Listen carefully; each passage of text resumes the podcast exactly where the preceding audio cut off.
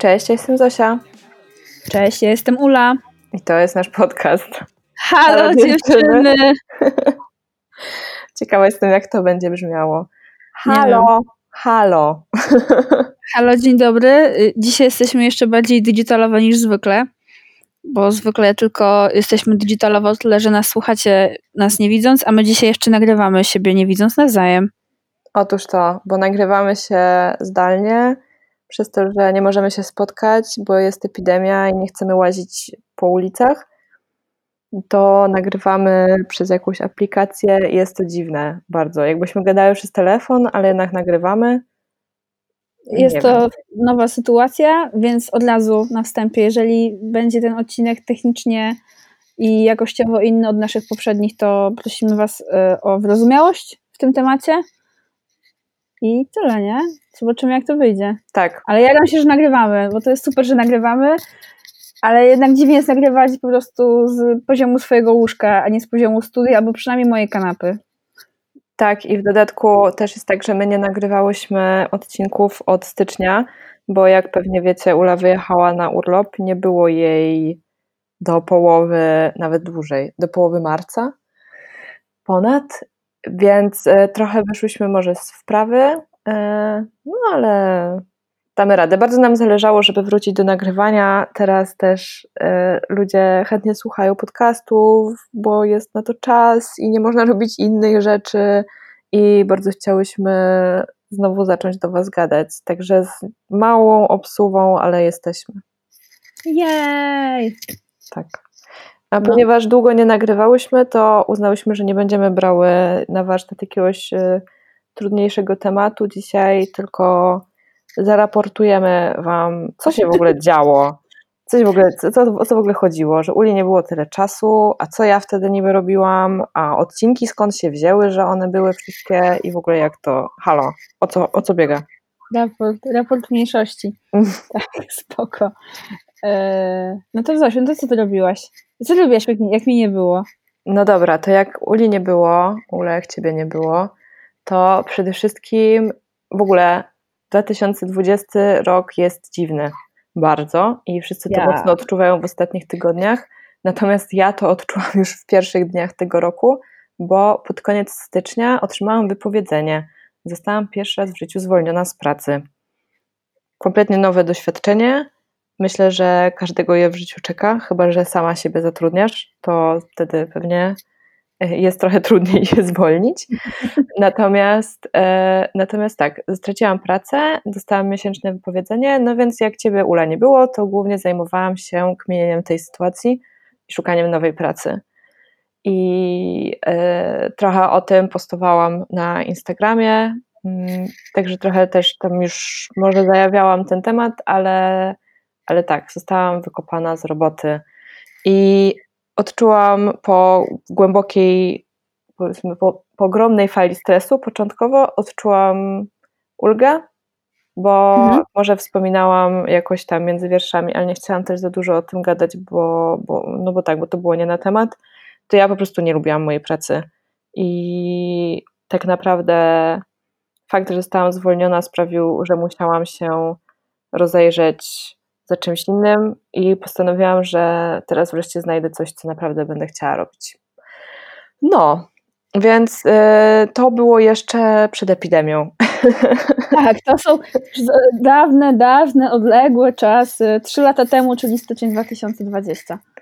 Tak. No tak się teraz generalnie wszyscy pewnie czujemy. No tak, zgadza się. To było, to było dawno temu, kiedy jeszcze można było wychodzić na zewnątrz, spotykać się z ludźmi. E, I, Albo chodzić do pracy. Tak, i, i myć ręce tylko po zrobieniu siku.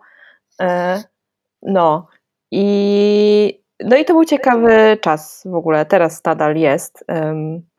Ale no w skrócie musiałam zmienić tam różne swoje przyzwyczajenia, co teraz nie jest takie trudne, bo i tak siedzę w domu, ale wtedy, jeszcze w lutym, musiałam obciąć swoje wydatki do minimum i zrezygnować z takich rzeczy, które były dla mnie oczywiste, co może zabrzmi jakoś tak, nie wiem, burżujsko, no ale po prostu je robiłam, bo było mnie na nie stać, czyli na przykład jakieś jedzenie na mieście, yy, nie wiem, chodzenie do klubu rzadko to robię, ale zdarzało mi się to wszystko teraz po prostu musiało zostać zredukowane do niezbędnego minimum, a właściwie do zera.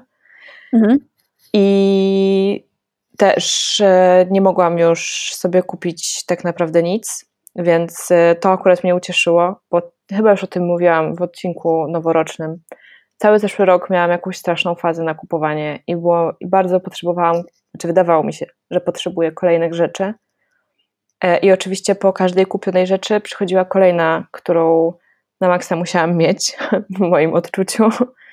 I teraz po prostu była prosta sytuacja. Aha, nie mam kasy, więc nic, niczego nie kupuję. I totalnie mnie to wyzwoliło z różnych sztucznych potrzeb, które też nie jest tak, że jestem materialistką, ale siedzę dużo na Instagramie, siedzę dużo na Facebooku, wszędzie mi się pokazują reklamy pięknych rzeczy, które są też tak y, jakby no, ukazują się pode mnie, tak to wszystko wymyślone, algorytm wie, co ja bym chciała zobaczyć, więc to właśnie widzę i potem o tym marzę i się martwię, że mnie na to nie stać i przestałam się tym zupełnie martwić, bo no po prostu wiedziałam, że nie mogę sobie na to pozwolić. No i ostatnia rzecz, taka, która wydawała mi się, że muszę ją mieć, a wspaniale mi się bez niej teraz żyje, no to są filmy i seriale z Netflixa i z HBO. To są też takie rzeczy, które, przez które przestałam płacić, anulowałam subskrypcję. E, nie jest to mi potrzebne do życia i, i jej super pozytywne jest nieposiadanie tych dwóch platform. Czasem jest przykro, że nie można obejrzeć jakiegoś filmu, o którym wszyscy mówią, że tam jest, albo który był w kinach, a ja nie zdążyłam go zobaczyć. Ale tak naprawdę to wiem, że gdybym miała obydwie te platformy, to szczególnie teraz, siedząc cały czas w domu, straciłabym kupę czasu na oglądanie bzdur. Wiem, bo znam siebie, nie mam kontroli nad tym, co oglądam. znaczy, może inaczej, nie nad tym, co oglądam, tylko jak oglądam. Zabingowałabyś po prostu. Ja binge watcher, absolutnie, w stu procentach. I, I tak, więc był to trochę stresujący czas, jednocześnie bardzo wyzwalający i, i jakby też e, już finał tego wszystkiego jest taki, że znalazłam tą pracę, taką, jaką chciałam, w firmie, w której chciałam pracować. Więc y, te wszystkie perturbacje z początku roku de facto wyszły mi na dobre i jestem super wdzięczna za to, że tak się stało. Ale oczywiście jakąkolwiek pracę bym teraz dostała, to byłabym za nią bardzo wdzięczna, bo potrzebuję pracy, potrzebuję pieniędzy y, i wiem teraz już, że jestem bezpieczna, moja sytuacja się będzie stabilizowała, póki co żyję ze skromnych oszczędności, a zaraz będę miała już normalne dochody i no i tak. Będzie mi dużo. Ja po prostu też mój umysł w tym momencie jest dosyć. Nie wiem, czy mogę tak powiedzieć, czy wypada, ale jednak dosyć zrelaksowany. Mhm. E, no i tak, więc to, to, bezpieczeństwa. Więc to u mnie. E, najdalej wyjechałam do Szczawnicy, E, więc to nie mogę za dużo opowiedzieć o swoich podróżach, ale spędziłam pół dnia na nartach i też było bardzo fajnie. Super. Egzotyczne podróże, wiecie jak jest. No, ja lubię Szczewnicę. Szczewnica jest spoko, ale nigdy, nigdy tam nie byłam w zimie. Zawsze tylko i wyłącznie w lato. Ja bardzo fajnie, polecam. E, polecam. Narty w Polsce są zaskakująco niedrogie mhm. w porównaniu z zagranicznymi. Oczywiście warunki no, są proporcjonalnie gorsze, ale tak, żeby sobie pojechać na chwilę, albo jak ktoś nie umie jeździć i chce zobaczyć, czy w ogóle mu to odpowiada, no to wspaniale. To jest bardzo dobre miejsce, moim zdaniem. Przyjemnie. Super. Jakby ktoś chciał kiedyś jeszcze pojechać na narty, to może wykorzystać to jako.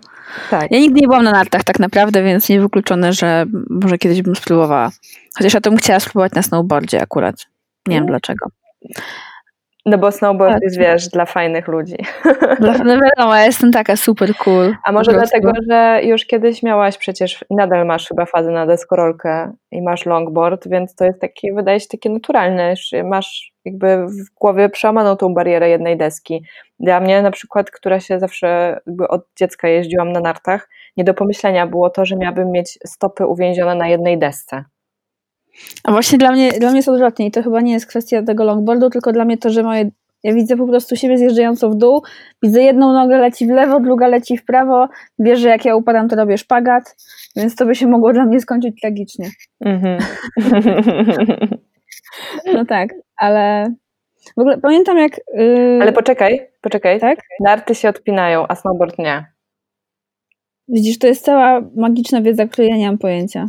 Więc nawet jak się wywracasz, no to raczej narty ci się odepną, a snowboard ci się nie odepnie, bo on jest na takie paski, a narty są e, tak się wpi, wpina się, tak, wpina się buty, wiązania.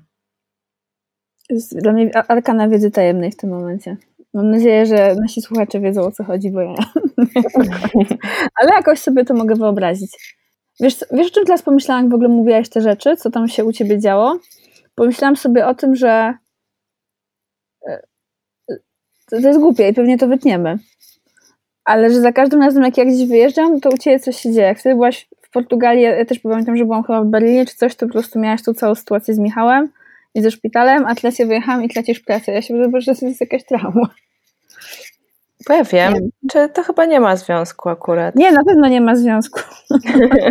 nie wiem, jakoś tak pomyślałam, że o takich wa ważnych, negatywnych do doświadczeniach z twojego życia ja się zawsze dowiaduję przez telefon i nie, nie mogę ci pomóc, mnie tam nie ma. No ale cóż. Wiesz co, żadną z tych rzeczy nie mogłabyś pomóc tak naprawdę. A, a byłyśmy cały czas w kontakcie, więc też w dniu, w którym y, straciłam pracę i tak napisałam ci, że to się wydarzyło. I to był w ogóle okropny dzień, bo ja byłam chora. Tak, to był okropny dzień. Byłam chora i przyszłam tylko rano do pracy, żeby zabrać laptopa, ale zostałam na jakiejś, jakąś wideokonferencję i po tej wideokonferencji już chciałam iść do domu. I wtedy przyszedł e, właśnie no, mój szef i poprosił mnie do siebie do gabinetu na rozmowę. Powiedział mi, że niestety muszą zakończyć ze mną współpracę. Dał mi wypowiedzenie do podpisania, a ja byłam właśnie przeziębiona i nie wiem, bolało mnie całe ciało więc musiałam podpisać to wypowiedzenie, zabrałam ten komputer i pojechałam do lekarza i padał śnieg, ale nie taki śnieg, że tam sobie pada śnieg, tylko taki śnieg, co tak oblepia wszystko i wszystko jest takie mokre i były mokre buty i mokre włosy i mokry płaszcz, mokra czapka, wszystko mokre było okropnie. Mokry telefon, jak się wyjęło go na sekundę z kieszeni, to po prostu jakby ktoś polał wodą z konewki a potem siedziałam w tych mokrych butach w poczekalni u lekarza yy, i czekałam na przyjęcie u internisty. No i dostałam L4, poszłam do domu i potem już było ok, bo po prostu miałam 4 dni w domu, żeby sobie na spokojnie, nie pracując, nie sprawdzając maili, nie odbierając telefonów, przetrawić tę sytuację. Mhm. Ale ogólnie to właśnie był, to był kiepski dzień. Um, no ale tak, no, byłyśmy cały czas w kontakcie, więc generalnie bardzo dużo wiedziałaś o tym, co tam się, co tam się u mnie dzieje, ale fakt, że jest to inne niż jak jesteś na miejscu i możesz mm, jakoś tak bardziej może wtedy współodczuwać, mhm. co się dzieje. Chociaż ja pamiętam, że jak mi o tym powiedziałaś, to no wiadomo, że było mi smutno i byłam bardzo przejęta, ale też ja po jakimś czasie też jakby no, w sumie jest tak jak mówisz, to było jasne, że to jest dla ciebie właściwa decyzja, mimo że nie została podjęta przez ciebie. To, że to jest właściwa dla, pod kątem twojego po prostu rozwoju i tego, że faktycznie no, nie przepadałeś za tą pracą, no nie? Tak, i nie przepadam za podejmowaniem ważnych życiowych decyzji. I pierwszy raz ta decyzja została podjęta za mnie, tak naprawdę. Yy, chyba wcześniej mi się. No, nie, nie, nie zdarzyło mi się, żeby ktoś mnie skądś wyrzucił, żeby ktoś nie, nie, nie było takich, takich rzeczy. I zawsze to ja finalnie decydowałam, że skądś odchodzę, albo że zaczynam coś nowego, albo no cokolwiek, że wyjeżdżam, um, że się przeprowadzam. To wszystko były moje decyzje. A teraz zostałam postawiona przed faktem dokonanym i, i w sumie nie narzekam, naprawdę. Myślę, że samej było mi trudno się zmobilizować do tego, mhm. żeby żeby się ruszyć, żeby, żeby wprowadzić zmiany, szczególnie, że mm, wiesz, no ja spędziłam bardzo dużo czasu przez ostatnie półtora roku na szukaniu pracy i naprawdę nie miałam ochoty tego robić. Po prostu. Mhm. Tak zwyczajnie po ludzku nie chciałam otwierać Pracuj.pl ani LinkedIna i przeglądać tych ogłoszeń, wypełniać tych aplikacji, wysyłać CV. Bardzo nie chciałam tego robić. No i cóż, no, nie miałam wyjścia. Dobrze to bardzo się wszystko kończy, a raczej zaczyna. Tak, to się super ułożyło. Ja się akurat z tego też bardzo cieszę. No. No a jeżeli mówisz o tych wszystkich portalach do szukania pracy, no to ja prawdopodobnie będę musiała się z nimi wszystkimi bliżej zaprzyjaźnić w najbliższej przyszłości, ponieważ yy, moja branża przestała istnieć. Branża, w której dotychczas pracowałam, po prostu z dnia na dzień przestała istnieć i pewnie przez jakiś czas jeszcze się nie podniesie. To jest w sumie dosyć ciekawe, bo myślałam już o przebranżowieniu się od jakiegoś czasu, od dłuższego czasu, a zawsze miałam taką super solidną wymówkę w postaci nie, no dobra, tu mam tyle projektów, tyle pracy, tyle czegoś tam, a tu coś tam jadę, nie będę o tym myśleć, a teraz nie mam wyjścia, słuchajcie, siedzę w domu i muszę o tym myśleć. nie ma to tamto. Ta obecna sytuacja daje bardzo dużo możliwości do zastanowienia się nad tym w ogóle, kim jesteśmy, dokąd zmierzamy i czego chcemy. Więc mam nadzieję, że właśnie w zakresie pracy będę miała w końcu czas, żeby na spokojnie usiąść i pomyśleć, co chcę zrobić.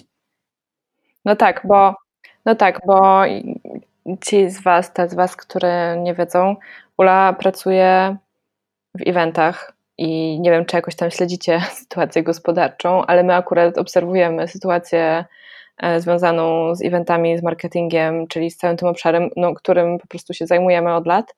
I branża eventowa to jest ta branża, która jako pierwsza ucierpiała na e, pandemii bo już e, mniej więcej chyba w połowie lutego. W lutym, tak. W lutym już różne duże wydarzenia, przede wszystkim targi, takie duże wydarzenia międzynarodowe zaczynały się odwoływać, bo reprezentacje z Chin i nie tylko z Chin, ale też z innych państw Azji e, i Włoch już wtedy przestały, znaczy po prostu zaczęły odwoływać e, swoją obecność i na przykład mój kolega pojechał na jakieś targi spożywcze do Niemiec i było tam pusto nie było prawie nikogo. A wiecie, no, już nie zagłębiając się w szczegóły, po prostu też to była jakaś inwestycja, żeby się na te targi wybrać.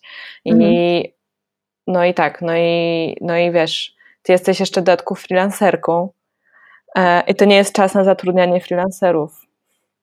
No nie, nie jest, zwłaszcza, że ja też pracowałam przez większość jakby roku na projektach międzynarodowych albo zagranicznych, więc jakby nie, to jest pierwszy, no to wiadomo, to jest po prostu pierwsza gałąź biznesu, jaka odpada, no bo tak naprawdę jak się zastanowimy, to wszyscy wiemy, że marketing nie jest nam do życia potrzebny. I Niestety jakby, nie. Jest to, jest to dla mnie jasna sprawa. Tak, to było dosyć zabawne, bo faktycznie u mnie było tak, że ja w zeszłym roku, inaczej, ogólnie odkąd przestałam pracować na stałe w jednym miejscu, nie robiłam sobie żadnego dłuższego urlopu. Chyba najdłuższy urlop, jaki miałam, no to właśnie jak nie wiem, pewnie pojechaliśmy razem na OFA, albo ja pojechałam na kilka dni gdzieś tam sobie, nie wiem, do Berlina, ale to było tyle. Nie miałam jakiegoś takiego długiego urlopu, już nie mówiąc, wiecie, dla mnie urlop to musi być jednak jakiś tam zbiornik wodny, w którym muszę pływać. Wtedy tak naprawdę dopiero urlop jest takim prawdziwym urlopem. Są wakajki po prostu wtedy. Więc sobie postanowiłam pod koniec zeszłego roku, jak byłam taka styrana robotą, yy, że po prostu daję sobie takie 2-3 miesiące wolnego na początku 2020 roku. Styczeń to też zwykle jest taki, no może nie jakiś strasznie martwy sezon, ale po prostu mniej w styczniu, lutym tam się dzieje dla mnie, więc uznałam, to będzie idealny czas, bo nie stracę za dużo zleceń, a sobie wypocznę. Yy, wybrałam akurat destynację, wiedziałam, że jadę po prostu gdzieś do Azji Południowo-Wschodniej, więc wiedziałam tam, że tam będzie ciepło, będzie dobra pogoda, ja nie przypadam za zimą, więc generalnie mamy to. Plan, plan idealny. mogę sobie, mogę sobie to zrobić. No i oczywiście jakby jestem mega uprzywilejowana, że mogłam sobie po prostu na coś takiego pozwolić, ale też wiedziałam, że no, no ciężko po prostu pracowałam i starałam się przekonać samą siebie, że na to zasługuję, żeby pojechać na długie wakacje. I nie wiem, pewnie jak ktoś słyszy dwumiesięczny wyjazd, to myśli, Boże, jaka logistyka, co tam trzeba zrobić i tak dalej. No to słuchajcie, ja generalnie nie zaplanowałam na ten wyjazd niczego. W szoku. No wiem, ale to może dlatego, że ja tak dużo planowałam yy, na co dzień. W sensie, że ja tak mocno planuję, nie wiem, pracę i wszystkie tak naprawdę inne prywatne rzeczy, a tutaj po prostu, wiecie, odpijam wroty i elo. miałam, myślałam sobie, w ogóle jak mnie wszyscy ludzie pytali przed wyjazdem o ten mój wyjazd, ja mówiłam, nie wiem, no pewnie Wietnam, może Indonezja, gdzieś gdzie mi nie było, coś takiego i w końcu nie pojechałam ani tam, ani tam. Co uznałam, że jest tylko jeszcze bardziej po prostu zgadza się z moim profilem nieplanowania na wakacjach. No i to było specyficzne, no to był jakiś taki challenge, ale właśnie pod kątem tej pracy jeszcze, no to ja pamiętam, że właśnie w lutym pierwsze takie mm, doniesienia powiedzmy właśnie z Polski były związane z dużymi eventami, że na przykład nie wpuszczali publiczność na IM czy coś takiego, na, na, nawet duże wydarzenie w Katowicach. Ja już wtedy wiedziałam, oho, chyba nie będzie do czego wracać. I to było bardzo ciekawe, bo to też była taka perspektywa, z którą tak naprawdę miałam trochę więcej czasu, żeby się oswoić. Tak mi się mhm. wydaje, dzięki temu. No kurczę, ale jednak ja bym jeszcze na chwilę się przy tych wakacjach zatrzymała. Bo y, jedna rzecz to jest, że one nie były tak w 100% zaplanowane. Chociaż myślę, że gdybym, znaczy tak, w ogóle Azja jest specyficzna i zaplanowanie czegoś w 100% w Azji jest niemożliwe. Jak pojechałam na trzy tygodnie do Indii, to y, tak naprawdę poza tym, że chciałam jechać na plażę, nie miałam zaplanowane w sumie nic. Coś tam takie, wiesz, szczątkowo i to i tak trzeba było zrobić inaczej na miejscu, bo po prostu Azja zaskakuje bardzo i jest to gigantyczny szok kulturowy, również inaczej tam wszystko jest zorganizowane i trzeba się wyluzować, po prostu płynąć z tym prądem. E, więc mnie nawet nie zastanawia to, że wiesz, że nie miałaś tego zaplanowanego, tylko to, że pojechałaś sama na dwa miesiące.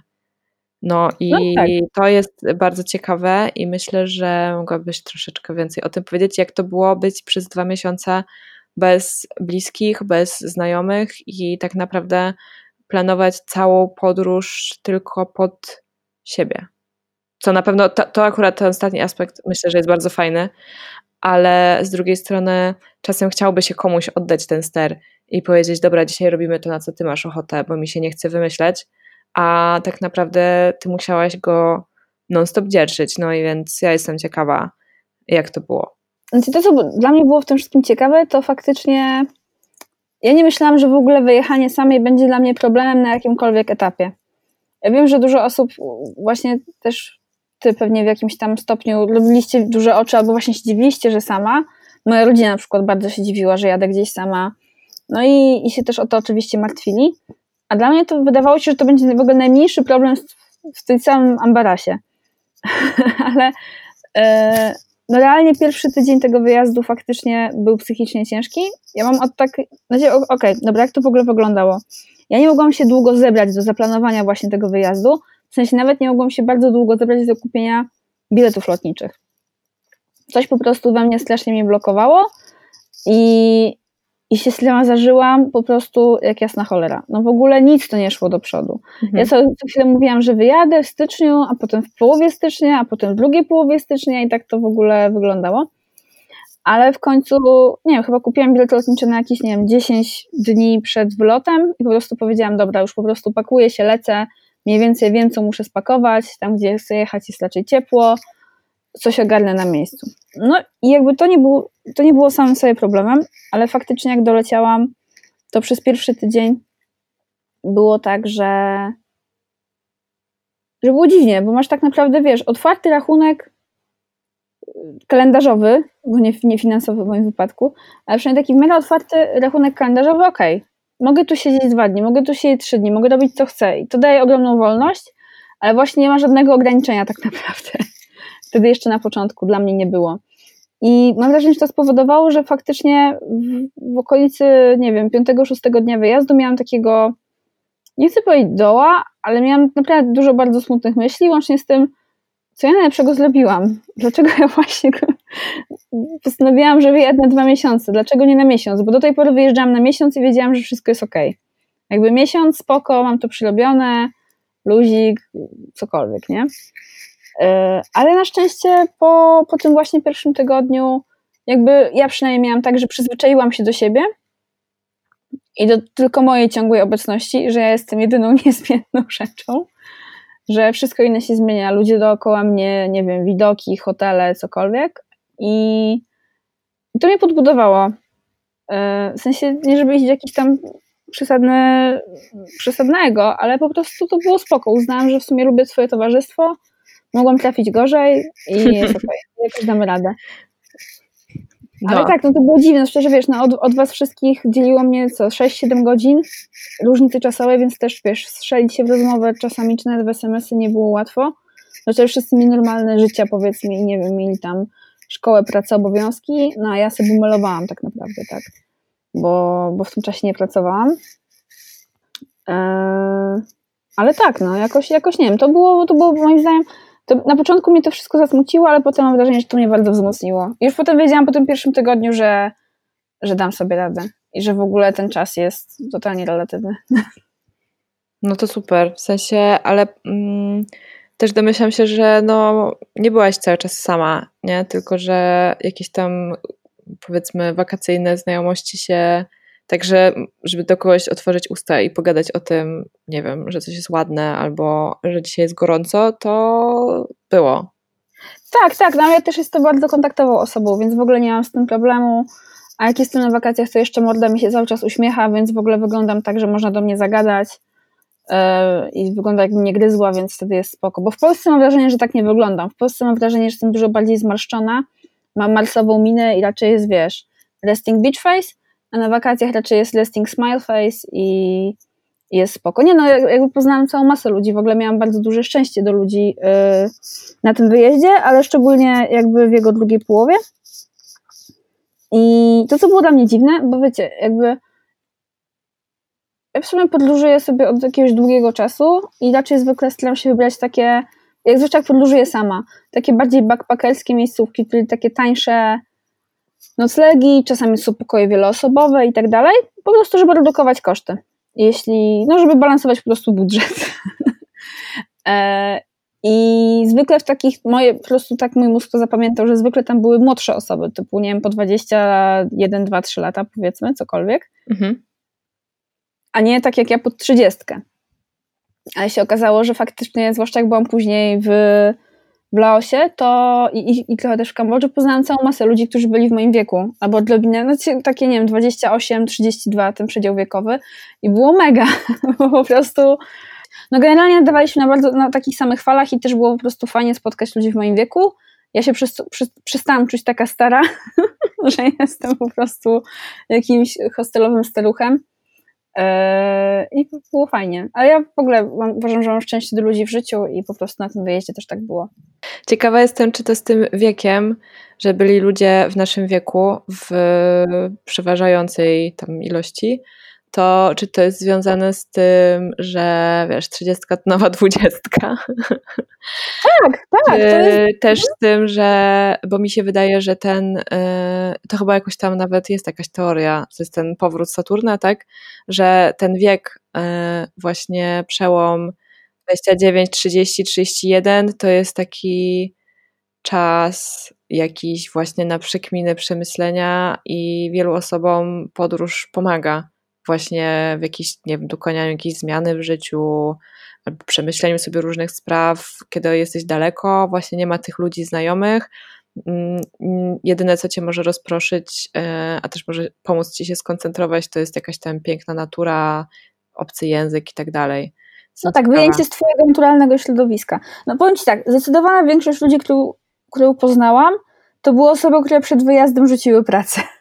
Nice. Więc ewidentnie, ewidentnie jakiś tam, wiesz, moment zmiany na pewno u nich w życiu był.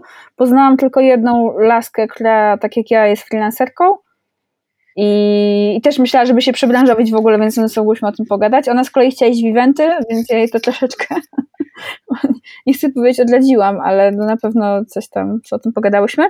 Ale mm, tak, na pewno co, wydaje mi się, że po prostu łatwiej jest rozkminiać swoje życie, kiedy jesteś w pewnym dystansie od niego, Przynajmniej tak jest dla mnie. I kiedy ja jestem w Warszawie i po prostu żyję sobie swoim życiem, które ma często dość intensywne tempo, to brakuje mi tego, brakuje mi tej przestrzeni na refleksję. A podróż mi taką przestrzeń daje. No pewnie. Ona jest dla mnie dużo łatwiej osiągalna. To jest zmiana perspektywy. To myślę, że jest to jakby w ogóle dowiedzione. Ja co prawda jak byłam sama, to nie miałam poczucia, że zmieniałam perspektywę, bo się zapętliłam w swojej głowie na jakichś przemyśleniach, ale byłam też krótko sama.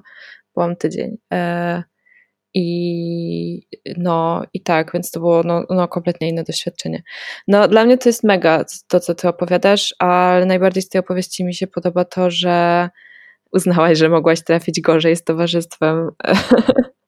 to znaczy super jest to, że y, twoje własne towarzystwo tak szybko zaczęło ci odpowiadać, bo to wcale tak nie musi być, nie? Jakby mieć dobrą relację z samą sobą wcale nie jest takie łatwe, a trzeba ją mieć, bo jak już wiele razy mówiłyśmy, to jest ta jedyna osoba, z którą nie możesz zerwać kontaktu i przestać z nią gadać.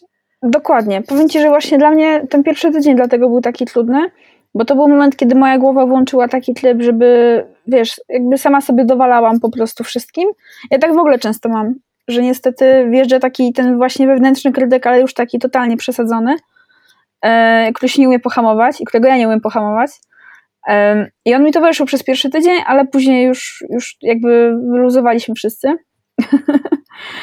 e, ale wiesz co, no, dla mnie to też to, co było fajne, nie myślałam o tym w tym aspekcie, jak, jak się wybrałam na urlop, ale jednak jak jeździsz gdzieś dwa, dwa miesiące sama, to po, ja, ja też sobie inaczej ja dzięki tej podróży też udowodniłam sobie, że po prostu mogę to zrobić. I to już nie chodzi o aspekt finansowy, tylko właśnie taki aspekt, okej, okay, muszę gdzieś pojechać sama i nie wiem, ogarniać się przez dwa miesiące sama, plus, dan, zrobione. Jakby wiem, że umiem. Jakby w ogóle mi ta podróż otworzyła niesamowicie w, moim w mojej bani moje poczucie własnej sprawczości.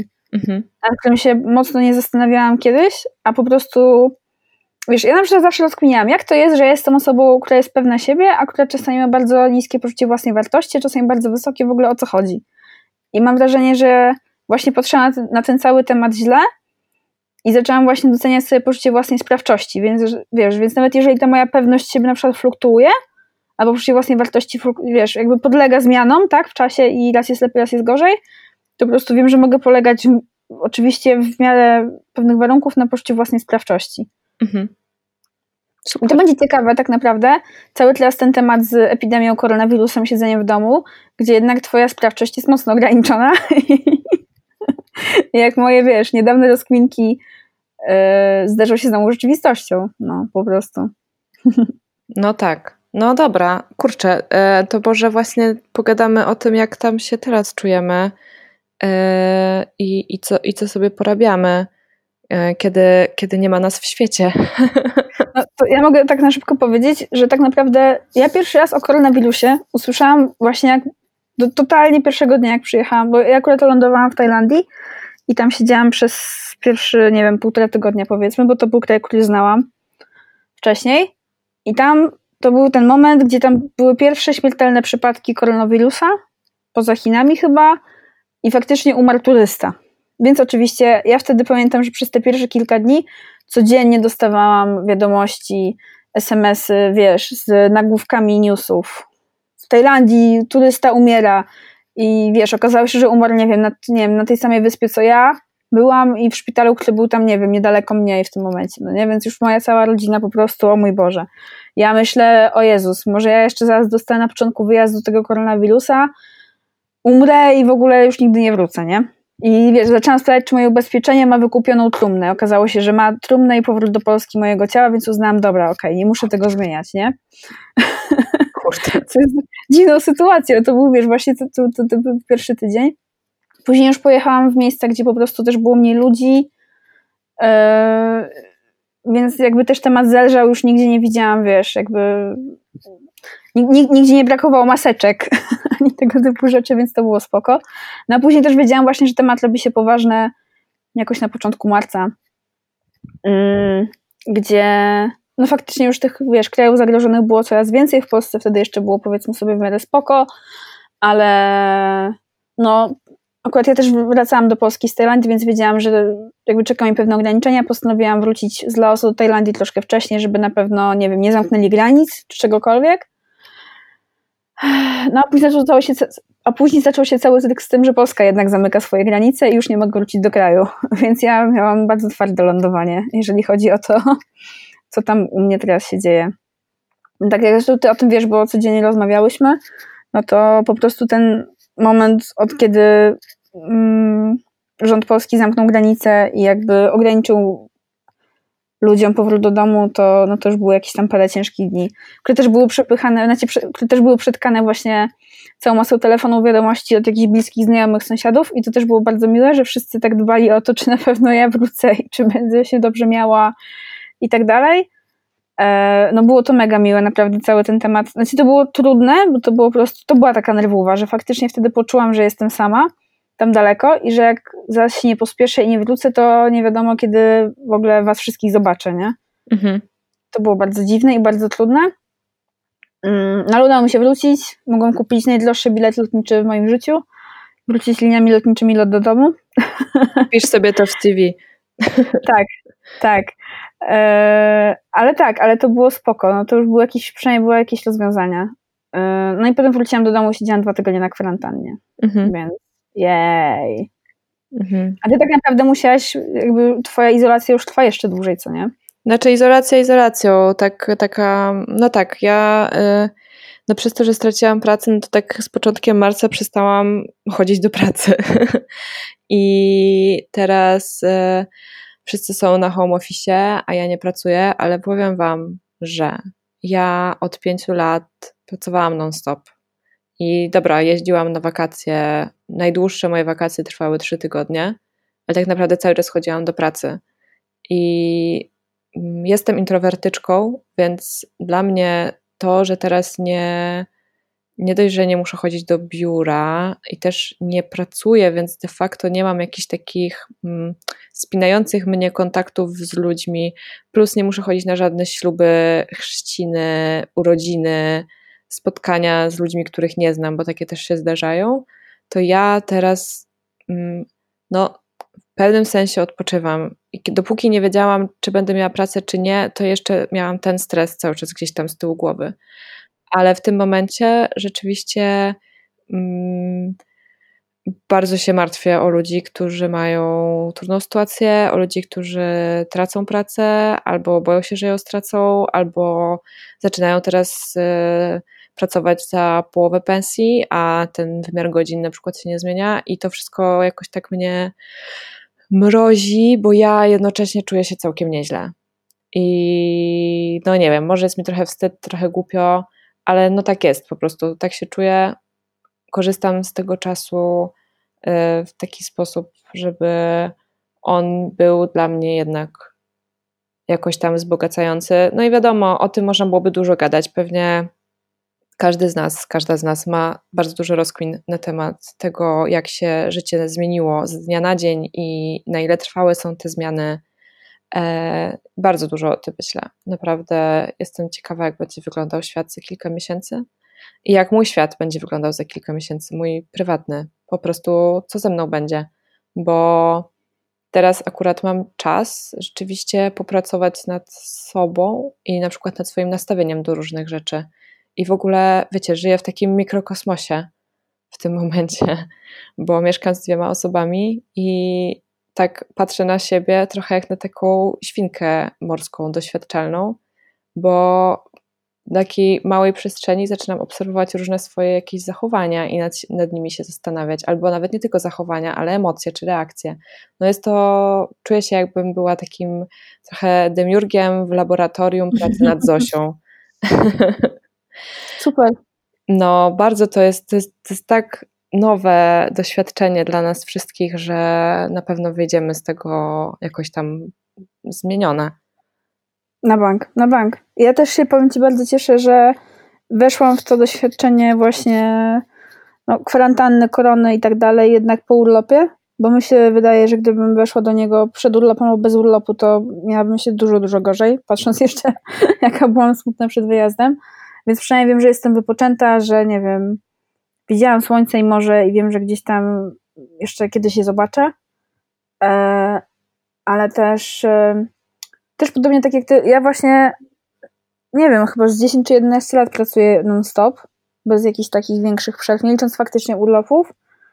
I ja pierwszy raz w życiu nie mam pracy.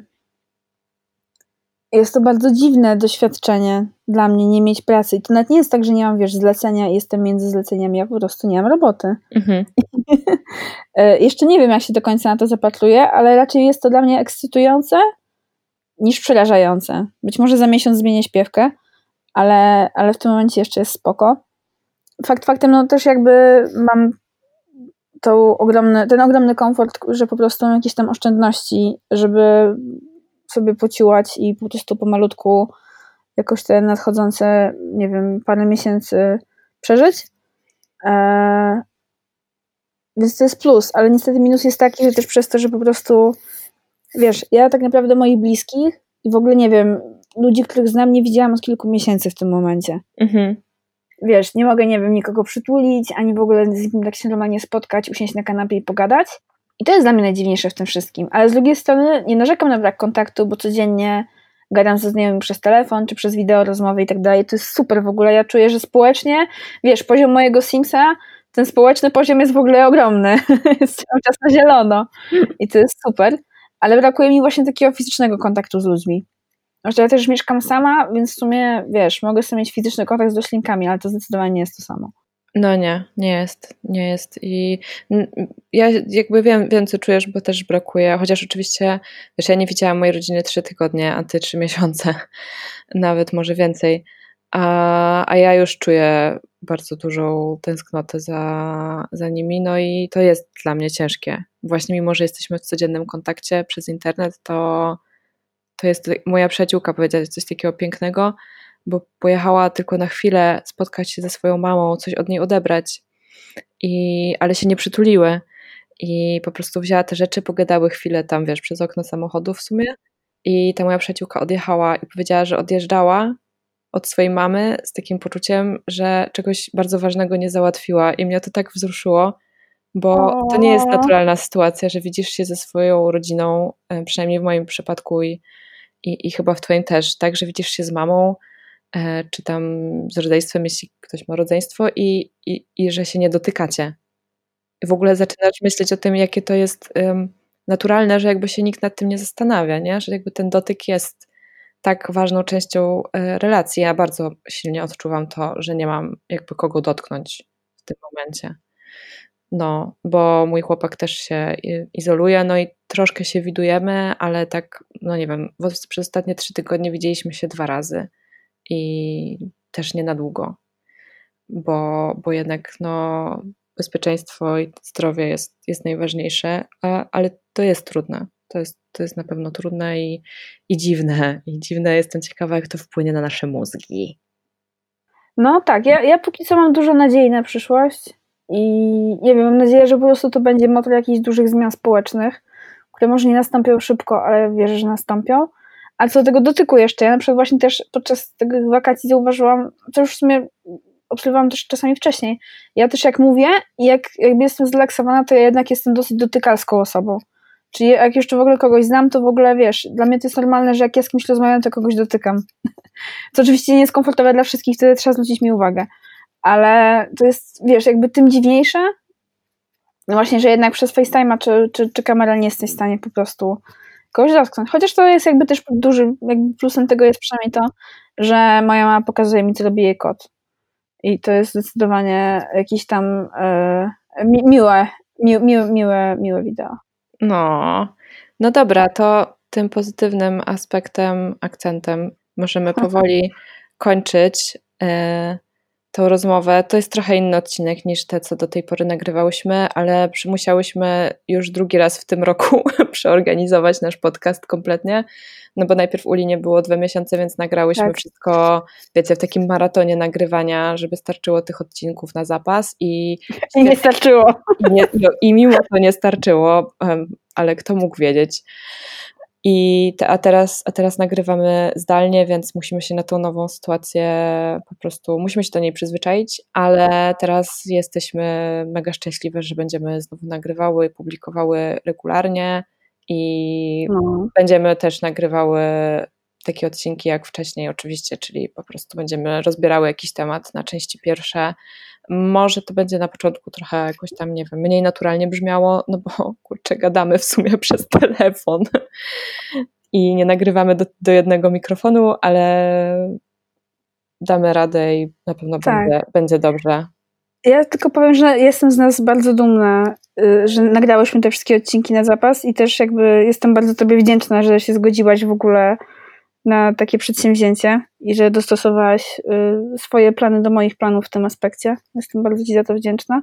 A po drugie, co do tej naturalności, mi się wydaje, że teraz poszło nam całkiem naturalnie. Ale oczywiście, co? Nie? No, tak, tak. tak. wydaje? Tak, mi się wydaje, że poszło, w sensie, że też pewnie dzięki temu, że my normalnie ze sobą gadamy przez telefon czy przez Messengera, to po prostu jakby, wiesz, flow gadania nie miał trzech miesięcy przerwy, tylko flow nagrywania, więc wydaje mi się, że będzie ok. Ale jeżeli wy wiecie, że było albo nie było ok, to możecie o tym do nas napisać na halodziewczynem.gmail.com Możecie do nas też napisać na Facebooku, na naszym fanpage'u, w komentarzu czy w wiadomości prywatnej oraz napisać do nas na Instagramie. Tak, będzie nam bardzo miło, jeżeli po odsłuchaniu tego odcinka albo nas zasubskrybujecie na Spotify, albo dacie nam recenzję miłą i fajną w iTunesie, albo jeżeli podoba Wam się ten odcinek, albo chcecie nam, nas komuś polecić, to y, też będzie nam bardzo miło. Na przykład tak. możecie to zrobić po, po, poprzez zrobienie Insta Stories na Instagramie i oznaczenie nas w tym. I przypominamy również coś, o czym same zapominamy, czyli że nasze odcinki również są na YouTube. Yes, of course. Dla wszystkich, którzy nie lubią żadnych aplikacji podcastowych. Tak Dokładnie. jesteśmy elastyczne dla Was, zobaczcie. Tota, totalnie jesteśmy elastyczne kobiety gumy. No dobra. To kobiety gumy to może wiesz, jak będziemy w tej odosobnieniu codziennie ćwiczyć jogę, to za miesiąc możemy pogadać. Może challenge, challenge kobieta będzie kobietą gumą. No dobra, to co, żegnamy się z Wami? Żegnamy się. Pa. Zdrowia! Pa! No, trzymajcie się, pa!